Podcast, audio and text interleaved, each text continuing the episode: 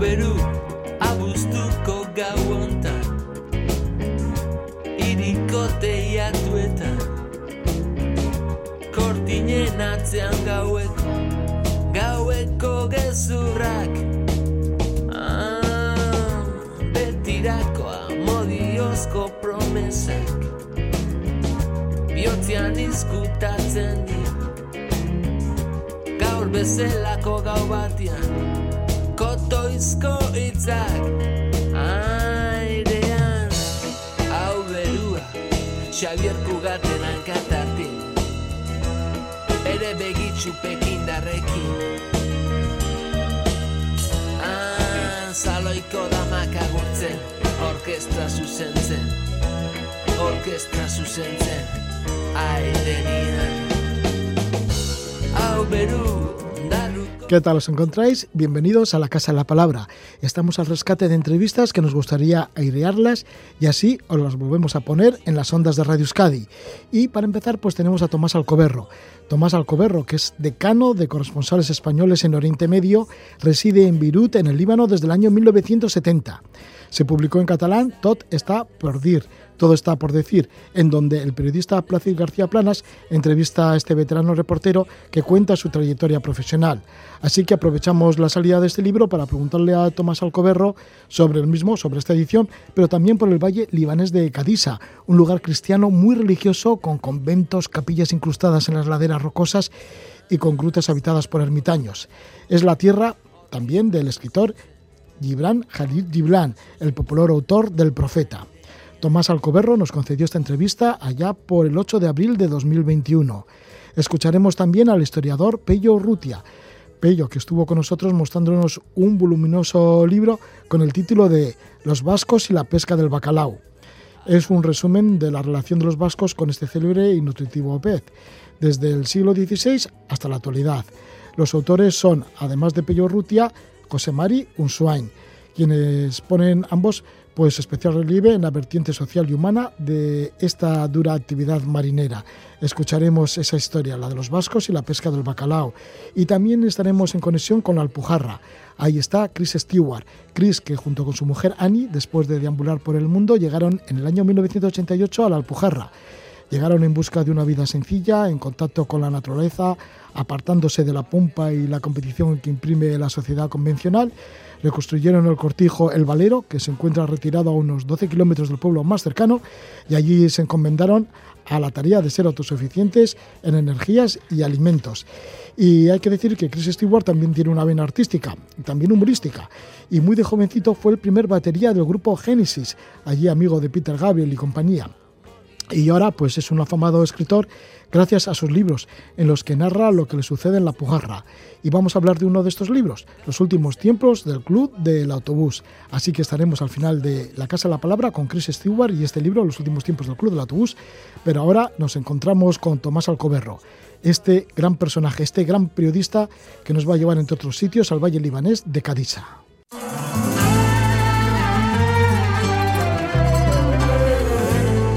فكرت جبلك ورد بالأول. تذكرت إنه الورد رح يدبل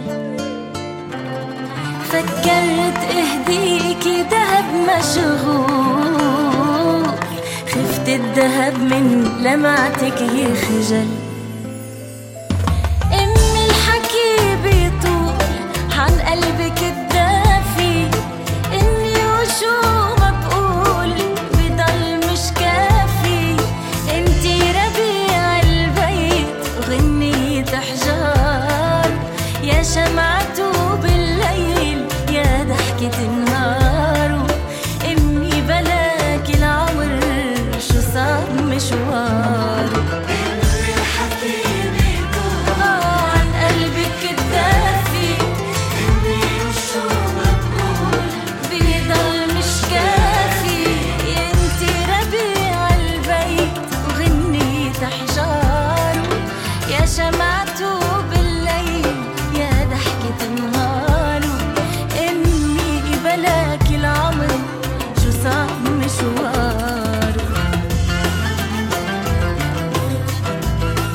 Con mucho sabor mediterráneo. Es música del Líbano, lo hace la cantante Nasia Ram. Y es que nos acercamos al Líbano y lo hacemos con una persona excepcional, hablando del Líbano, como es Tomás Alcoberro. Él es corresponsal, el corresponsal más veterano del Estado español. Nació en Barcelona en el año 1940 y desde 1970 reside en Beirut como corresponsal para Oriente Medio. Es autor de libros como ¿Por qué Damasco? Estampas de un mundo árabe que se desvanece.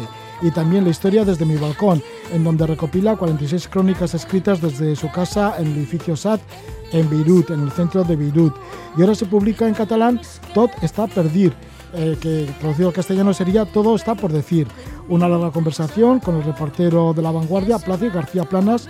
Plácido pues, ha conversado con Tomás Alcoberro y sale este libro, Todo está por decir. Vamos a hablar de ello y bueno, incluso si tenemos tiempo, vamos con Tomás hacia el valle de Cadisa, uno de los valles más bonitos del Líbano, con mucho con mucha raigambre también de diferentes congregaciones religiosas y con mucha historia por detrás. Le damos la bienvenida a Tomás Alcoberro. Muy buenas noches, Tomás. Muy buenas noches, contento de, de estar con vosotros y adelante, adelante. Sí, Tomás, pues para empezar vamos a hablar del libro, ¿no? Todo está perdir en catalán, todo está por decir si lo traducimos. ¿Qué revela este libro? ¿Por qué el motivo del libro? Bueno, eh, el motivo del libro es que tenía ganas de, hablar un poco de cosas que, que, no salen en las crónicas, en los reportajes periodísticos, y entonces eh, tuve la oportunidad de hacer este libro, eh, aproveché los días estos de, de la soledad, más que la soledad, el aislamiento, yo estaba en Beirut, y bueno, y, y, en este sentido, pues este tiempo a veces que es malo para muchas cosas puede ser bueno para dar un poco de, de vida al espíritu creativo que yo creo que muchos tenemos y muchas veces pues falta quizá el momento. O sea que en este sentido fue un libro, ha sido un libro en el que me he volcado, eh, no para repetir, ¿verdad?, ni análisis políticos, ni todas estas cosas, y especulaciones de Oriente Medio, sino para contar emociones y para contar, pues, cosas de mi vida eh, en Oriente Medio. En la portada ya se desvela algo de lo que vamos a encontrar en el libro, ¿no? Porque apareces tú de joven en Beirut en 1976 con un Kalashnikov. Bueno, tú no, no, no, me conoces eh, directamente, pero claro, la pregunta que yo hago a los que me conocen, lo primero que les digo, ¿tú me reconoces? Eh, ¿Yo soy el de la foto o no? Bueno, porque fíjate tú, pues esto sí, como tú dices muy bien, eh, bueno, esta fotografía... Sí, porque tú fotografía... tienes, Tomás, perdona, tienes cara de muy pacífico. lo soy, lo soy. sí, sí. Lo soy, totalmente lo soy. Eh, bueno, el, el Kalashnikov que que en aquella época se consideraba, eh, en fin, el arma, el arma de los pobres, ¿no? De las revoluciones, de los eh, movimientos eh, nacionalistas, eh, revolucionarios, se debe a que yo tenía un amigo que sigue viviendo, gracias a Dios, eh, que era que era Fedaín, que era un guerrillero palestino que de vez en cuando venía a verme, lo había conocido antes de que fuera guerrillero y vino, pues bueno, vino con el arma que llevaba, ¿no? Y entonces el Kalashnikov mm, era él era del grupo de Al-Fatah, es decir, el grupo de Arafat, y entonces pues como jugando me, me lo puso entre las manos y me hizo esta fotografía. ¿Quién hubiera podido imaginar que esta fotografía hecha pues un día cualquiera, ¿verdad? Bueno, no tan cualquiera, porque la guerra ya había empezado en Beirut, en el balcón de mi casa en Beirut, me serviría luego para la portada de este libro el libro que está escrito junto con Plácid García Planas de La Vanguardia, ambos sois del periódico La Vanguardia, y él dice que, que tú no vas a la guerra, que la guerra va hacia ti. Bueno, un poco sí, un poco sí. Eh, bueno, esto también se podría considerar una frase, ¿no? Pero yo, por ejemplo, yo cuando me hablan de corresponsal de guerra y tal, yo no me acabo de sentir identificado, es decir, yo nunca he procurado no ir vestido de, de, de, de corresponsal de guerra, ¿me entiendes? Ah, en fin, con, con la coraza y todas estas cosas, ¿no? Eh, bueno, lo, lo, que ha ocurrido es que, claro, cuando yo empecé mi aventura de corresponsal en Beirut, eh, no, en el Líbano concretamente no había guerra, pero bueno, yo empecé pues eh, eh, en el otoño del 70 en, en, Jordania, en Jordania precisamente, ¿no? Eh, que está relativamente cerca del Líbano. Entonces era la guerra entre el rey Hussein, el, padre del actual rey, ya, ya sabéis que ha habido este conato de, de, golpe de Estado, que luego no, no ha sido nada dentro de la familia real, y empecé bueno, pues empecé sí, empecé viendo y asistiendo mm, en, en Amman a esta guerra, la guerra del septiembre negro, entre el ejército del rey Hussein y las organizaciones palestinas. O sea que bueno, eh, esta guerra la, la, la, fui a buscar yo. Pero bueno, digamos que en principio yo soy un hombre un poco pues eh, no yo soy yo yo me considero a mí mismo más que valiente y arrojado me considero resistente, ¿no? Porque sí que es verdad que luego, pues las guerras eh, donde yo he estado, algunas me han venido por encima de casi de la cabeza de, mi casa y otras, evidentemente, porque yo fui a, a describirlas, sobre todo las guerras en, en Irak, ¿verdad? O, o luego en Siria, pues sí que las, las, las, las fui a buscar como corresponsal en Oriente Medio que, he sido durante tanto tiempo. ¿Por qué elegiste Oriente Medio? ¿Por qué elegiste Beirut como centro de operaciones? ¿Y por qué te has quedado allí desde el año 1970 hasta ahora? Sí, bueno, porque ante todo es una parte del mundo que siempre me ha traído y lo que también quiero explicar a, a, los que nos escuchan es que no no no no siempre hay guerra, gracias a Dios, ni mucho menos, ¿no? Es decir, también el tipo de, de vida que, que, se llevaba sobre todo en Beirut y que de, de, todas maneras no se ha extinguido completamente. Es una vida, como tú has dicho al principio, pues mediterránea, de una cierta alegre, alegría del vivir. Evidentemente todo esto está cambiando mucho y está desapareciendo. O sea que en este sentido me, me, me eh, yo soy francófono eh, también el hecho de que en aquel momento el francés era una lengua muy hablada y muy muy eh, seguida en Beirut me, me facilitaba un poco eh, la entrada en el mundo árabe, ¿no? Y luego también, y lo digo con toda claridad, la libertad, la libertad. Es decir, Beirut, pese a todo, ahora sigue siendo, a mi modo de ver, la ciudad más libre del mundo árabe y sobre todo desde un punto de vista periodístico, sin censura, en aquella época había censura por todas partes, sin censura, con libertad de expresión, con facilidad para encontrar a la gente y también, digámoslo todo, con una buena vida. Es decir, Beirut ha sido siempre una ciudad abierta, una ciudad más liberal, eh, más eh, atractiva, que otras ciudades árabes. Entonces, eh, por eso yo, como mucha gente, eh, nos, nos, nos, nos quedamos en Beirut eh, porque el trabajo era también mucho más fácil y mucho más, yo diría, incluso fructífero. El Líbano, el país, el Líbano, es un país muy pequeñito, pero sin embargo con mucha historia y seguramente que hay muchos sitios con gran encanto, ¿no? De los que te gusta visitar asiduamente. Uno de ellos puede ser el Valle Libanés de Cadisa. Sí, hombre, ¿quién te lo ha contado? bueno, porque lo sé, porque alguna vez en, en alguno de tus libros nombras a Cadisa, sí, le, notra, sí. le, nombras a Khalil Gibran, al gran Sí, escritor y poeta libanés, y luego porque recientemente también has escrito en La Vanguardia un artículo sobre el Valle de Cadisa, o sea que, Sí. así que también has estado hace poco por allí. Sí, sí, hace unos meses, sí. Bueno, eh, eh, estás hablando de un tema que me, que, que me gusta mucho que lo que lo que lo subrayes, ¿no? Porque en general a veces este tipo de trabajo y de información eh, queda muy en la superficie de las cosas, ¿no? Concretamente como si todos hicieran guerra cada día, la guerra, todo esto es falso, ¿no? La gente vive como en todas partes y bueno, y la guerra pues a veces sacude y, y mata y destruye, pero bueno, muchas veces no, no hay guerra, ¿no? Gracias a Dios la mayoría de tiempo no hay guerra. Lo que ocurre es que siempre se habla únicamente de las jornadas de guerra. Estoy contento de que hables de este, de este mm, valle, este es un valle muy, muy, uh, está, en el, está en el norte del, del Líbano, cerca de Trípoli, de Becharre. Eh, Becharre es muy conocido por los famosos cedros, que por cierto quedan ya muy pocos. Esto de los cedros del Líbano es una imagen ya un poco, ¿verdad?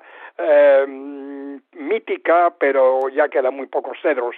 Y entonces este valle, como tú has dicho muy bien, primero es un, bar, un valle muy muy uh, pintoresco, ¿no? Eh, eh, es un valle en donde además desde hace siglos eh, están excavadas, excavadas, ¿eh? lo digo bien, excavadas, pues eh, con, excavados conventos, iglesias de las épocas incluso de la Edad Media casi, ¿no? y, eh, más tarde. Y entonces se debe a que, como es un, bar, eh, como es un, un valle eh, de, muy, de muy difícil acceso, pues era también un valle refugio, ¿no? Refugio sobre todo de las comunidades cristianas. Y también quiero explicar muy bien que no, no es que se refugiasen, como se podría en principio pensar, eh, de, de, los musulmanes o del Islam, sino que incluso se refugiaban de las, las propias luchas intestinas que había en estos siglos entre los cristianos, es decir, los que seguían, eh, digamos, la ortodoxia, eh, y los que seguían eh, las normas de la Iglesia romana apostólica y entonces se, se, se cobijaban allí pues incluso mm, intentando protegerse de, de, de, estas luchas intestinas. ¿no? Una de las cosas más curiosas que hay en este valle es que en uno de estos grandes monasterios, como, como digo, hay, que imaginarse eso, ¿eh? un monasterio totalmente excavado en la roca, o sea que queda únicamente por fuera la, la, la fachada, pero por dentro, dentro de la roca, pues está la iglesia, ¿verdad? Están las capillas y en este sentido es realmente un paisaje interno muy, muy emocionante. Pues digo que en una de estas eh, capillas hay una, una, cosa que también llamará mucho la atención o llama mucho la atención y es que pues en el siglo no sé si fue el 17 o algo así eh, un, unos monjes fueron a Roma y, y se trajeron una, una imprenta sí. y entonces co consiguieron hacer llegar la, a la imprenta, claro, pues viene primero a través de, del mar, ¿no? Llegando a Beirut, al puerto de Beirut, y luego de Beirut con, con los mulos o con las mulas hacia esta montaña, y entonces ahí está la primera imprenta que hubo en Oriente Medio y que era una imprenta que, tenía mm, los caracteres eh, eh, de la impresión mm, eran latinos, pero eran también de la lengua, de, una lengua eh, religiosa muy importante en esta parte del mundo, sobre todo de Libia, perdón, del Líbano y de Siria eran caracteres mm, con los cuales se, se imprimieron eh, algunos evangelios, ¿verdad? Y ahí está. Y entonces otra cosa que también quiero contar, eh, por si alguna vez alguien de los que no, nos escucha eh, tiene la, la, la, ilusión o el capricho de, de, llegar a esta parte del mundo, hay eh, un ermitaño del cual yo creo que te hablé el otro día, ¿no? Sí, que el otro día estuvimos hablando de él, sí, de sí, Darío ¿sabes, Escobar. cómo se llama? Sí, Darío Escobar, ¿no? Un colombiano. sí, bueno, sí, que además es de Medellín. de nacionalidad colombiana, imagínate tú, ya hace años que ha ido para, a parar allí y está viviendo en una cueva eh, aunque también tiene la televisión, ¿eh? también me tiene la televisión y, y me, me, contó una vez que le fui a ver ahí mmm, dando vueltas por estos caminitos hasta llegar a, al ermitaño, me dijo que también seguía mucho la, la, la, la, la liga de fútbol español porque tenía una televisión y este hombre pues también continúa allí y que realmente pues a veces le, le, le, le visitan como puedes imaginar pues eh, gente joven o, o, curiosos que quieren ver a un ermitaño. Yo creo que es el último ermitaño ya, por lo menos, de la Cadisha.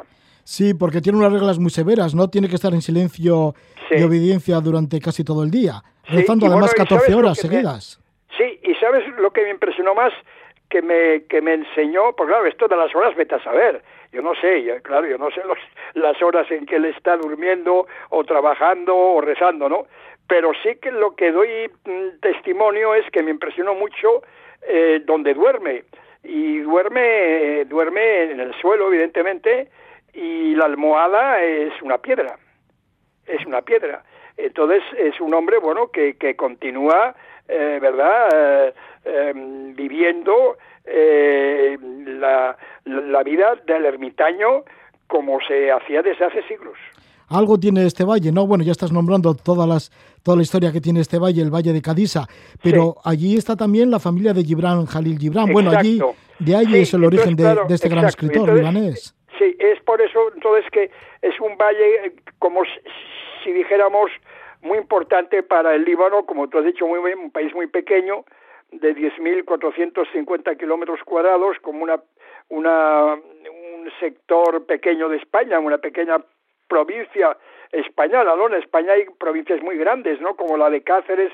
y de Badajoz, si no recuerdo mal, que tienen 20.000 kilómetros cuadrados. Pues esta, este país sería la mitad, ¿no? Entonces, eh, sí, en este, en este valle sagrado, en la Cadisha, al lado, pues, en Becharre, esta población que he citado antes, esta ciudad también ha sido esta población cristiana, maronita, se ha hecho muy muy conocida en el mundo porque fue la cuna del gran del gran poeta libanés autor del profeta un gran poema escrito en inglés ¿eh? No en árabe eh, Jalil Gibran que, que, que, ha sido uno de los, eh, eh, digamos, intelectuales y artistas más internacionales que ha producido el Líbano. Jalil Gibran, que tiene ahí su tumba. Pues muchísimas gracias por estar con nosotros, Tomás Alcoberro. Gracias por tener a uno de los grandes reporteros, bueno, y además el, decano, el, mayor de todos los reporteros que hay en el Estado español, ya que desde el año 1970 resides en Beirut y estás como corresponsal para Oriente Medio allí, al pie del cañón. Y ahora, pues en catalán tienes este libro, Tot está por perdir, todo está por decir. Muchísimas gracias, Tomás Alcoberro, por estar con nosotros. Un fuerte abrazo. Gracias a ti.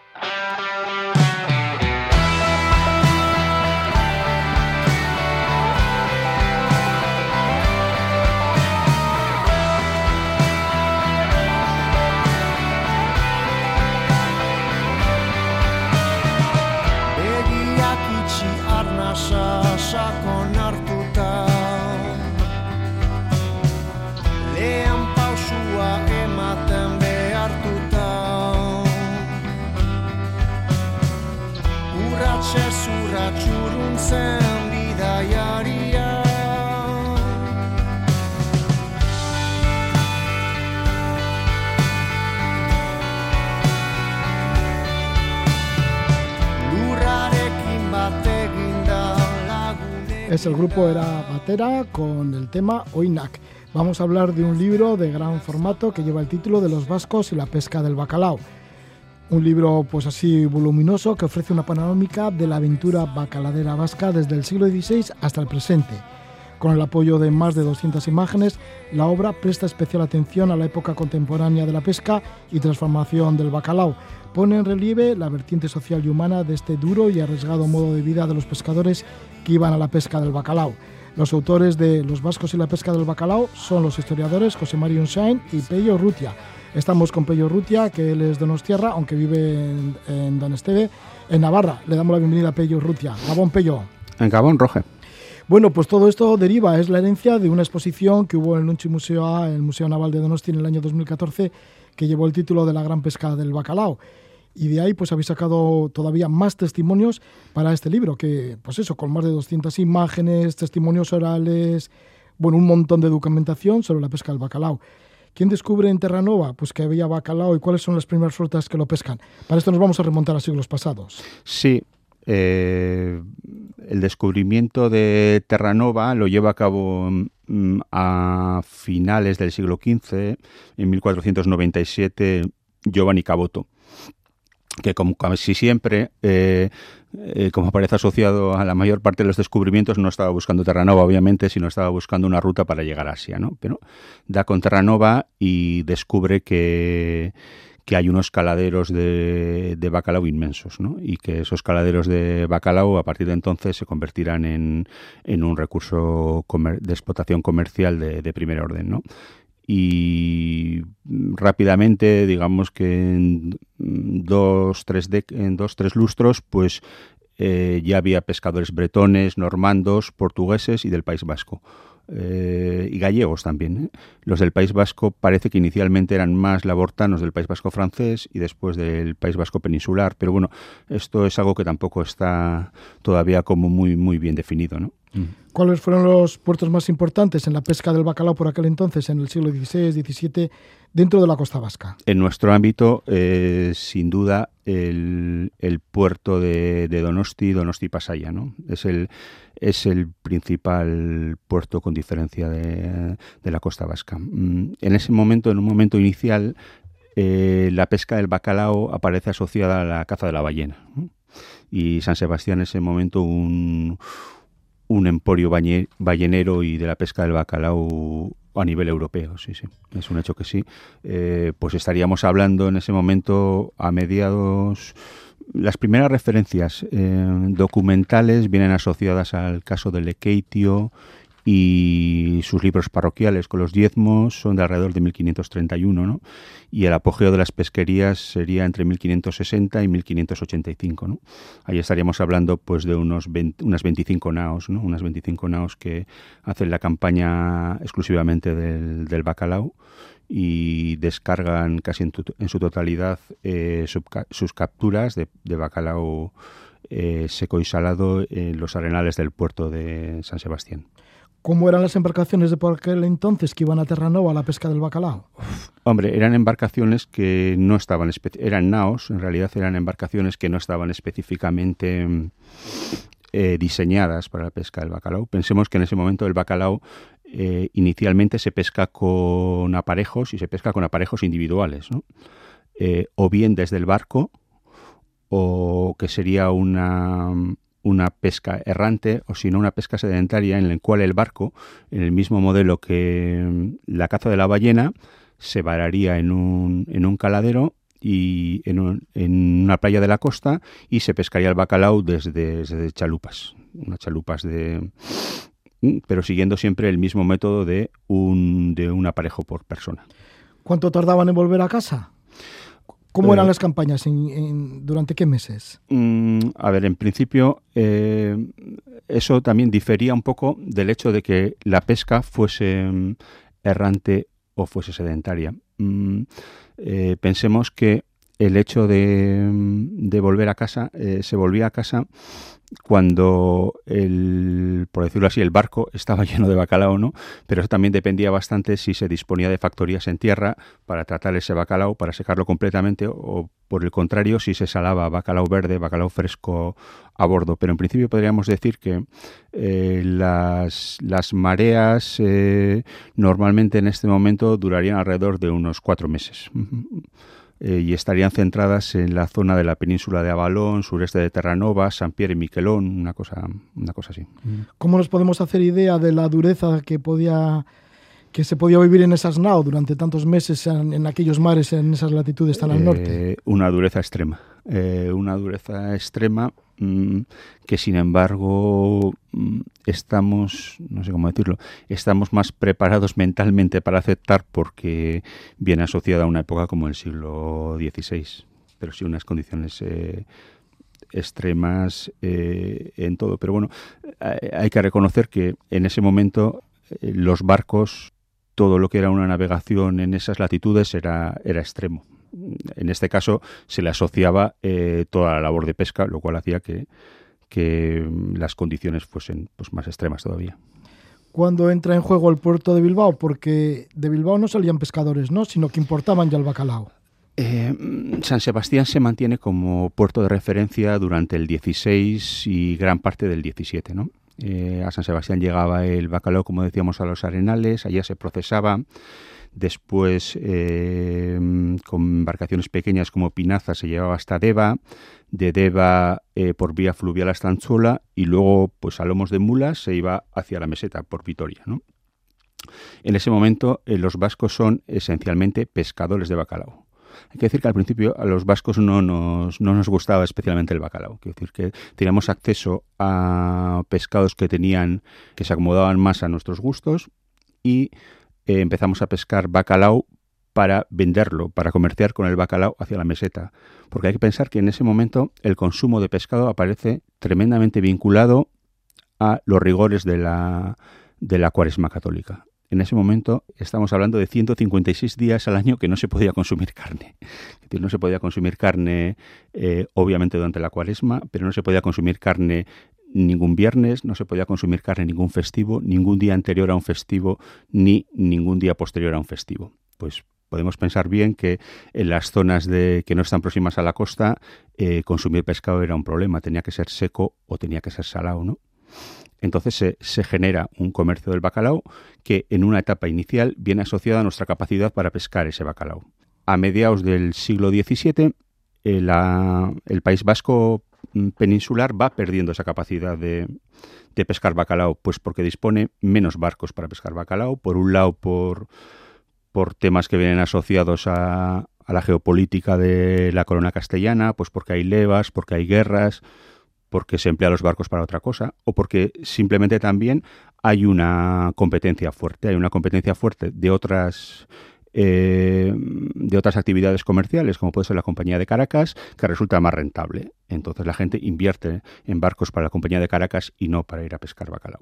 En ese momento Mm, Bilbao sustituye a San Sebastián, porque Bilbao se, se convierte en el gran puerto importador.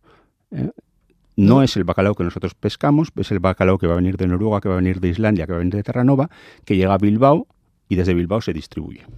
En ese momento es Bilbao el, puerto hegemónico, que en una hegemonía que va a mantener durante 200 años. La va a mantener hasta desde finales del 17 hasta principios del siglo XX. Así que hay una gran burguesía en Bilbao que apoya esto de importar el bacalao de Noruega, Islandia, Terranova. Sí, sí, eh, que lo apoya, que se enriquece. Hombre, genera una riqueza que también, en cierta manera, se, se redistribuye a la ciudad de Bilbao, ¿no? Si estamos hablando de la de una burguesía comercial que comercia mm, que está en cabeza del comercio con Estados Unidos durante la Guerra de Independencia, ¿no? de los Gardoqui, de los Gómez de la Torre, de Villavaso. Es una burguesía comercial que invertirá en el Bilbao de la época, ¿no? Eh, pues financiará obras como el ensanche bilbaíno, en el, en el 19, la construcción del Hospital de Basurto, la implantación del ferrocarril, ¿no? Sí. Pello, antes has comentado que a los vascos no les interesaba mucho el comer bacalao, que no era de sus platos favoritos. ¿Cuál era el pescado que les gustaba antiguamente? Pues yo que sé, en el siglo XVII y por ahí. Hombre, el tema del País Vasco es que por un lado tenemos un País Vasco costero que tiene acceso al pescado fresco. Mm, entonces, no veían el interés de, pudiendo consumir pescado fresco, no veían el interés de consumir pescado salado o pescado seco pero eh, puestos en la tesitura de eh, más en el interior del País Vasco, eh, preferían consumir claramente pescado seco. De hecho, la, mm, la merluza cereal, que es una merluza que se pesca en, gran sol y se secaba, pues tenía mucho más predicamento, incluso los arenques o las sardinas, no sé, tenía mucho más predicamento que el bacalao. Eso se ve claramente, por ejemplo, si se analizando la documentación de, algunas instituciones públicas, como el Real Seminario de Vergara y demás, en el siglo XIX, por ejemplo, a principios del siglo XIX ya se había relajado bastante los preceptos religiosos, ¿no? Entonces, em, los días de cuaresma habían desaparecido. Bueno, se había, no habían desaparecido, habían disminuido mucho. Entonces se ve que el consumo de bacalao, en el momento que no es una obligación consumir pescado, eh, desciende muchísimo. El bacalao eh, hasta, vamos a ver, finales, mediados finales del 19 es una está, está clasificado casi como un alimento matahambres, ¿no? de las clases menos favorecidas, ¿no? Y esa es una transformación que se opera también en Bilbao a finales del, del 19, ¿no? Se comienza a dotar de prestigio al, al, bacalao como un elemento gastronómico, ¿no? Y esa modo de reflexión, ¿no? Como, como los vascos, ¿no? Eh, la- cómo se opera el, el- mecanismo de la tradición en el País Vasco. Ahora nos parece que el bacalao siempre ha estado asociado al País Vasco y también es verdad que hace 150 años el bacalao no lo queríamos, pero en el momento que lo hemos querido lo hemos hecho como ya prácticamente un signo de identidad de, ah, de lo vasco. ¿no? Llega el siglo XX y se vuelve a la actividad pesquera, ¿no? En el puerto de Donosti y Pasaya, y así se crea la PISBE en el año 1917. Al principio como una empresa importadora, pero 10 años después ya estaban pescando. Sí, sí. eh, bueno, en realidad eh, eh, se funda en el 17. Bueno, en el 19 sí es una, es una empresa que podríamos considerarla como la primera empresa del capitalismo, que traslada el capitalismo a la pesca, ¿no? Es una, es una empresa que en su accionariado tiene a pues eso, a la burguesía mm, industrial, a, las élites bancarias, al, al propio rey Alfonso XIII, ¿no? y que eh, al principio pues cuenta mucho con el, con el apoyo del Estado, ¿no? que le permite mm, operar casi en unas condiciones de monopolio, que, es, que empieza a grabar la importación de bacalao extranjero, mm, que le otorga concesiones en el puerto de pasajes y que incluso pues eh, le permite militarizar parte de su marinería, ¿no? En, en un momento determinado y durante años una parte de la mili se podía hacer en los bacaladeros de la Pisbe, ¿no? Mm. Sí, que tuvo gran importancia y que, bueno, pues también seguía esa vida dura de los marinos, pero con el tiempo los barcos se fueron sofisticando, entre comillas, un poco más, aunque sí que tenía que ser como bastante sufrimiento, ¿no? Para todos estos marinos que iban por allí. Y luego también las mujeres que estaban en puerto, que elaboraban el bacalao que traían sus, bueno, pues por, los hombres, ¿no? De, allí, de las zonas de, de Terranova. Sí, quizás el, el papel de las mujeres es un papel que en este ámbito, como en otros, ha quedado pues en, un segundo, si no es en un tercero, en un cuarto término, pero el, el protagonismo de las, de las mujeres en la pesca del bacalao es quizás algo, algo superior a lo que ha podido ser en otras actividades vinculadas al, al mundo pesquero, ¿no? Por dos razones, quizás. Una, porque pensemos que eh, las mareas de la pesca del bacalao duraban más que las que podían durar eh, las de Gran Sol o desde luego las que de las pescas de bajura, con lo cual pues eh, se reforzaba el papel de la mujer como cabeza de familia, ¿no? No es solo que los hombres estuviesen más tiempo fuera de casa, sino que es un estar fuera de casa que no lo concebimos desde nuestra nuestra mentalidad actual, pero es, es un estar fuera de casa eh, sin ningún tipo de noticias, por decirlo así, ¿no? Eh, la mujer actúa como padre, actúa como madre, administra, toma todas las decisiones del, del hogar, obviamente, educa a los hijos. Eso por un lado. Eh, luego es verdad que la mujer es eh, un contingente que eh, facilita mano de obra, mano de obra en general barata, que es la mano de obra que aparece, pues eso, vinculada a la manipulación y transformación del bacalao. Pero, por ejemplo, en el 16 nos encontramos que las mujeres tienen también un, protagonismo fuera de, de esa condición de mano de obra. ¿no? Eh, las mujeres son financiadoras de algunos fletes de, de, de naos bacaladeras, porque eh, eh, los, la financiación de las naos bacaladeras en cada flete era, estaba mucho más atomizada que el de la de los balleneros, ¿no? Contribuía mucho más gente. Algunas eran mujeres, eh, mujeres viudas o mujeres que aportaban dinero en nombre de su familia.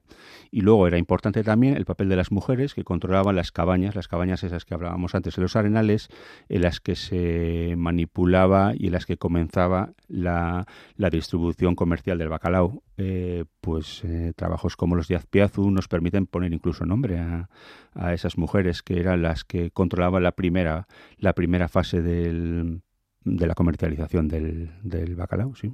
Los vascos y la pesca del bacalao, firmado por José María Unsoen y Pello Urrutia. Pello Urrutia, historiador, está con nosotros. Un libro que está tanto en inglés como en castellano. ¿Dónde podemos encontrar, Pello, el libro? Eh, pues bueno, en lo que es el País Vasco, yo creo que espero que esté en todas las librerías. Eh, en principio, bueno, es un libro que, mm, que lo editó el CAR, pero bueno, en principio está es accesible en todas las librerías del País Vasco, creo. Sí, que está promocionado por Biscay Seafood, que es una empresa noruega del bacalao. Sí, bueno, en realidad es una, es una empresa navarra eh, que su gerente es noruego, Eric Brown. Eh, que bueno, es un, personaje en el mejor sentido de la palabra personaje, pues eh, curioso, ¿no? Interesante. Es un hombre que ya en 1995 ayudó al Museo Naval en la, al Museo en la organización del viaje del velero a Napsam desde el Museo de Stavanger y que contribuyó también a a, la, a financiar parte de la, de la exposición esta de la gran pesca del bacalao, ¿no? Y, es alguien pues que, que, entiende que una parte de valorizar el producto del bacalao pues es también conocer su historia, lo cual pues está muy bien, sinceramente. Sí, ahí está como promotor también. Bueno, pues muchas gracias Pello Rutia por estar con nosotros y por habernos traído este gran libro de gran formato, Los Vascos y la pesca del bacalao. Pues muchas gracias a ti, Roge.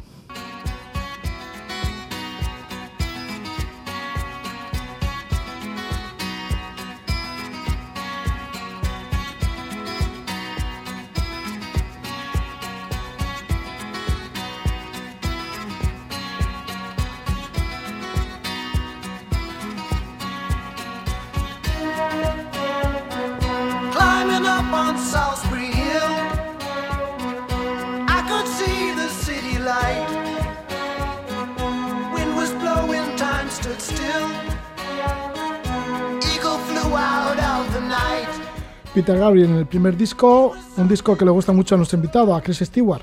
Chris Stewart, que conoció a, Peter Gabriel, que fue amigo suyo en otros tiempos y que además junto con él formó el grupo Genesis. Bien, pues Chris Stewart se hizo escritor conocido a través de la trilogía sobre las vivencias de un inglés en la Pujarra granadina.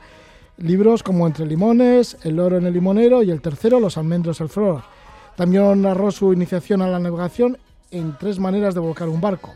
Su más reciente obra es Los últimos tiempos del Club del Autobús, en donde incide en comentar sus experiencias vitales en Alpujarra. Mm, Chris Stewart junto con su mujer Ana pues llegaron al Valero en el año 1988. Con gran esfuerzo reconstruyeron un cortijo que se encuentra retirado a unos 12 kilómetros del pueblo más cercano. Se basan en los ideales de la sencillez y en la ecología. Pretenden que el cortijo sea autosuficiente tanto energéticamente como alimentariamente. Chris Stewart, bienvenido, muy buenas noches. Hola Roja, buenas noches a ti. ¿Qué tal? bueno, pues ahí seguís en vuestro sueño, ¿no? Que es eh, este, este, este, bueno, este cortijo, el valero. Pues llevamos 27 años viviendo aquí ahora. Sí, esto es una vida, ¿no? Sí, 27 años, fíjate, viviendo. Pero claro, ha cambiado mucho, ¿no? Desde cuando llegaste por primera vez hasta ahora. ¿O sigue... Mm, el espíritu me imagino que seguirá lo mismo, pero ¿seguís tan, sí, tan inaccesibles? sigue lo mismo. Sí, pero ¿seguís tan inaccesibles como, como siempre? Más o menos, sí, sí, sí, sí, porque no tenemos puente, no tenemos acceso convencional y así nos gusta. En otra ocasión, en alguno de tus libros, de los primeros libros, decíais que erais pobres pero felices. Ahora la vida también ha cambiado un poquito, ya no es, ya no es tan, tan, así como antes, ¿no? pues sí, no, pero desde hace muchos años, porque escribí el primer libro hace unos 15 años Ah, no más, si salió eh, en 99 o 2000 por ahí. Y este cambió la vida, pero, pero, pero nos hemos quedado en el mismo sitio, que es un misterio a, varios críticos nuestros que dicen que pues, por qué no vivís en una, en una, una mansa, en, en, en una mansa que digo, en, en una, en una casa señorial en Marbella con todo lo, lo, que habéis ganado con los libros. Pero primero no hemos ganado tanto, no se gana tanto de escribir libros. Y segundo ellos no obviamente no han entendido nada de los libros porque los libros se tratan de se tratan del placer de, vivir en un sitio como este. Y es un para nosotros eso es, un placer fundamental que nos ha durado muchos años y no nos arrepentimos ni de un solo día. ¿Cómo es esa forma de vida? Esa forma de vida, además, que transmitís en los libros. ¿Cómo la, nos la podrías describir en pocas palabras?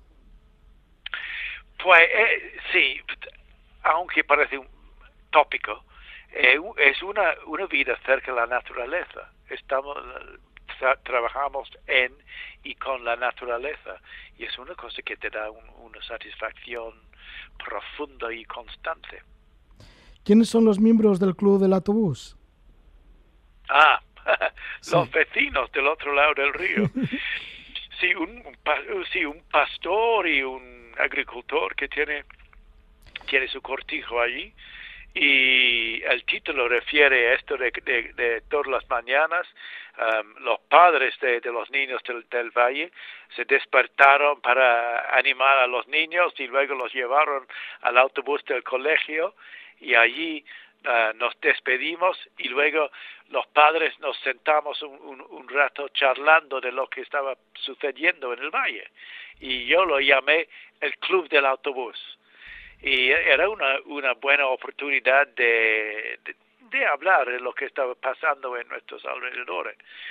Y, y, ahora, por supuesto, porque ya mi hija ya no vive, vive aquí, lleva, ya tiene 25 años y está lejos de, lejos de nuestra parte del mundo, ya no voy al club del autobús, así que eran los últimos tiempos del club del autobús. Sí, que eran, eran los amigos ¿no? que os acercabais, bueno, los vecinos que os acercabais al autobús que, que llevaba a vuestros hijos a la escuela de la Orgiva, ¿no? En donde estudió sí, tu hija. Orgiva, sí. Orgiva, en donde estudió tu hija Chloe. Pero además de esto, en otros capítulos hablas, por ejemplo, de la vida de estar rodeado de animales salvajes, como cabras monteses, zorros. Su ladrido a la noche, pues parece que te transmite melancolía, pero bueno, también hacen de la suya los zorros. Están por ahí también los jabalís. Jabalís, jabalís, hurrones, comadreja. Sí, sí, hay tantos animales um, con con intenciones muy, uh, como, como se, se, dice, in, envidiosas contra tus, tus gallinas y tu ganado.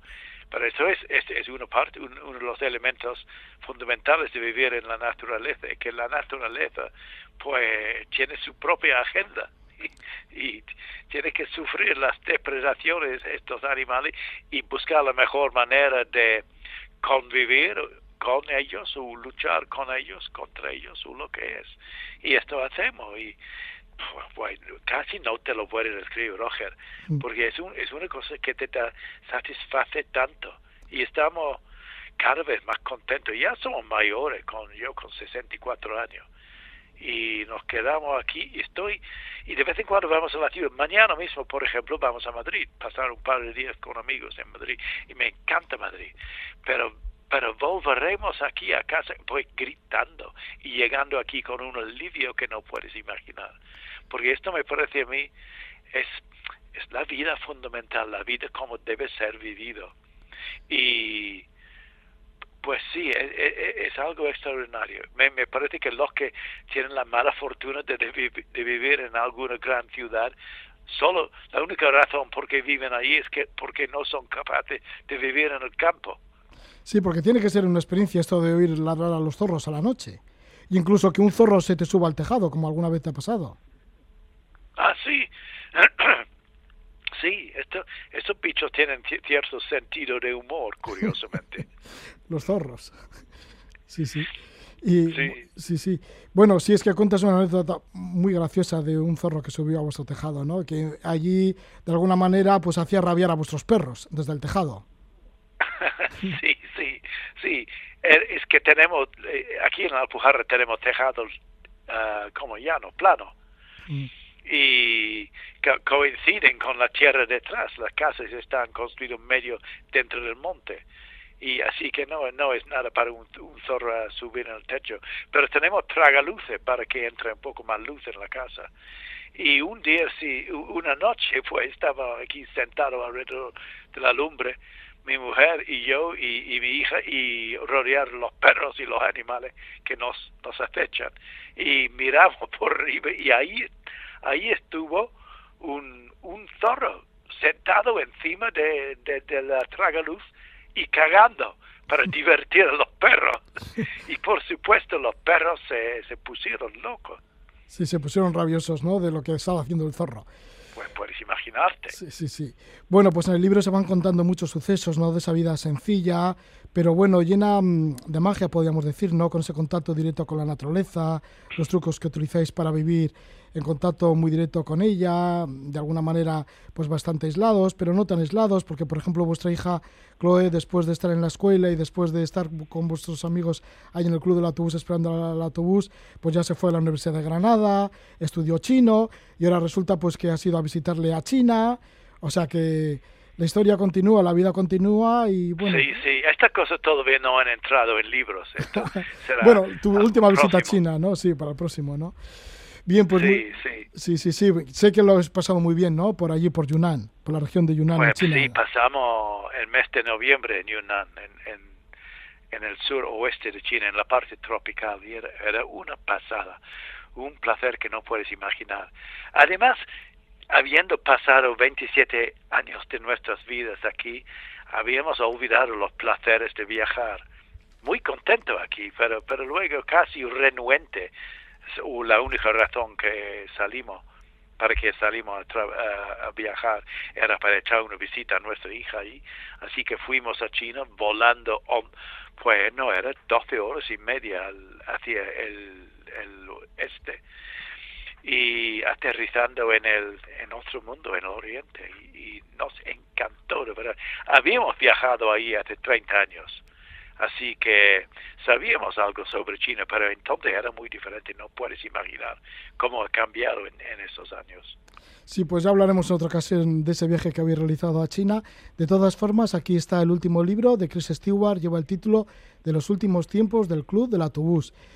Eh, para una lectura de unas personas que viven con una sencillez y con un amor a la naturaleza y al mundo, pues eso, de, de la ecología, pues algo de la forma muy ejemplar y muy brillante.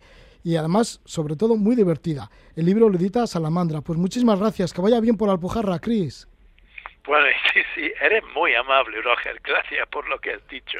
no, pues es- y más cosas que podíamos contar. Pero muchísimas gracias. Ya seguiremos hablando. Cris, un abrazo. Muy bien, bueno, bueno, sí, sí.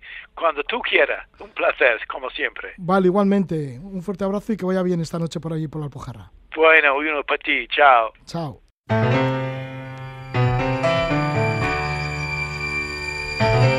Chris Stewart, siempre tan animoso, tan lleno de humor, nos ha relatado el día a día en el Valero, este cortijo de la Alpujarra, la vida sencilla de un campesino en su pequeño refugio paraíso, hechos que forman parte de su autobiografía y de su especial filosofía de vida que lo va recogiendo en diversas publicaciones y hemos hablado de los últimos tiempos del Club del Autobús.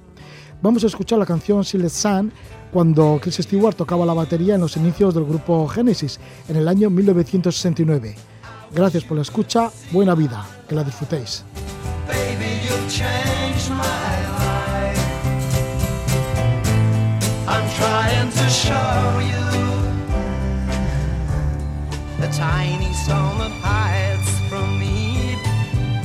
Can't you see that I'm just outside?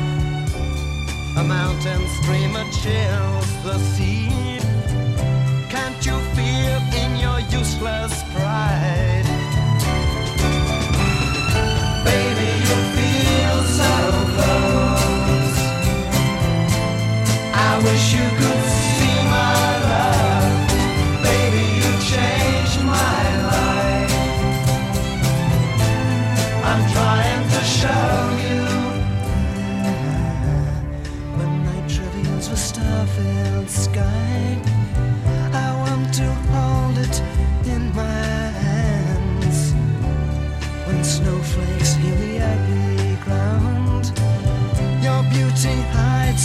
Joy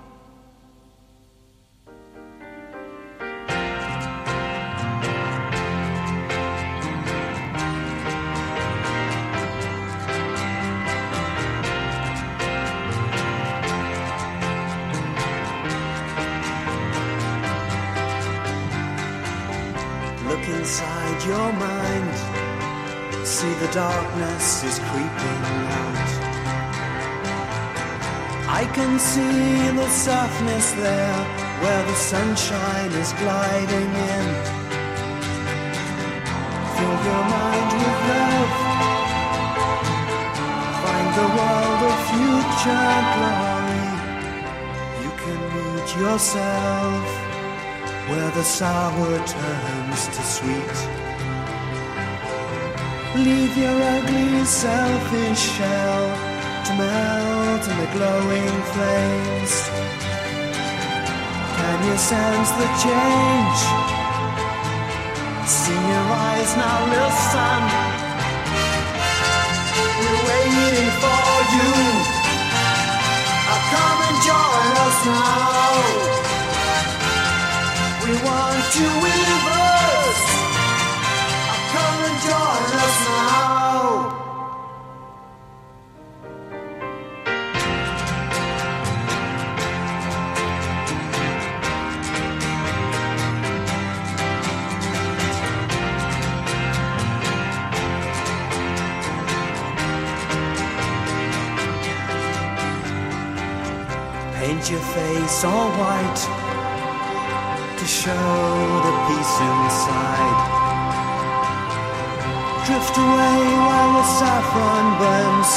the land where the rainbow ends.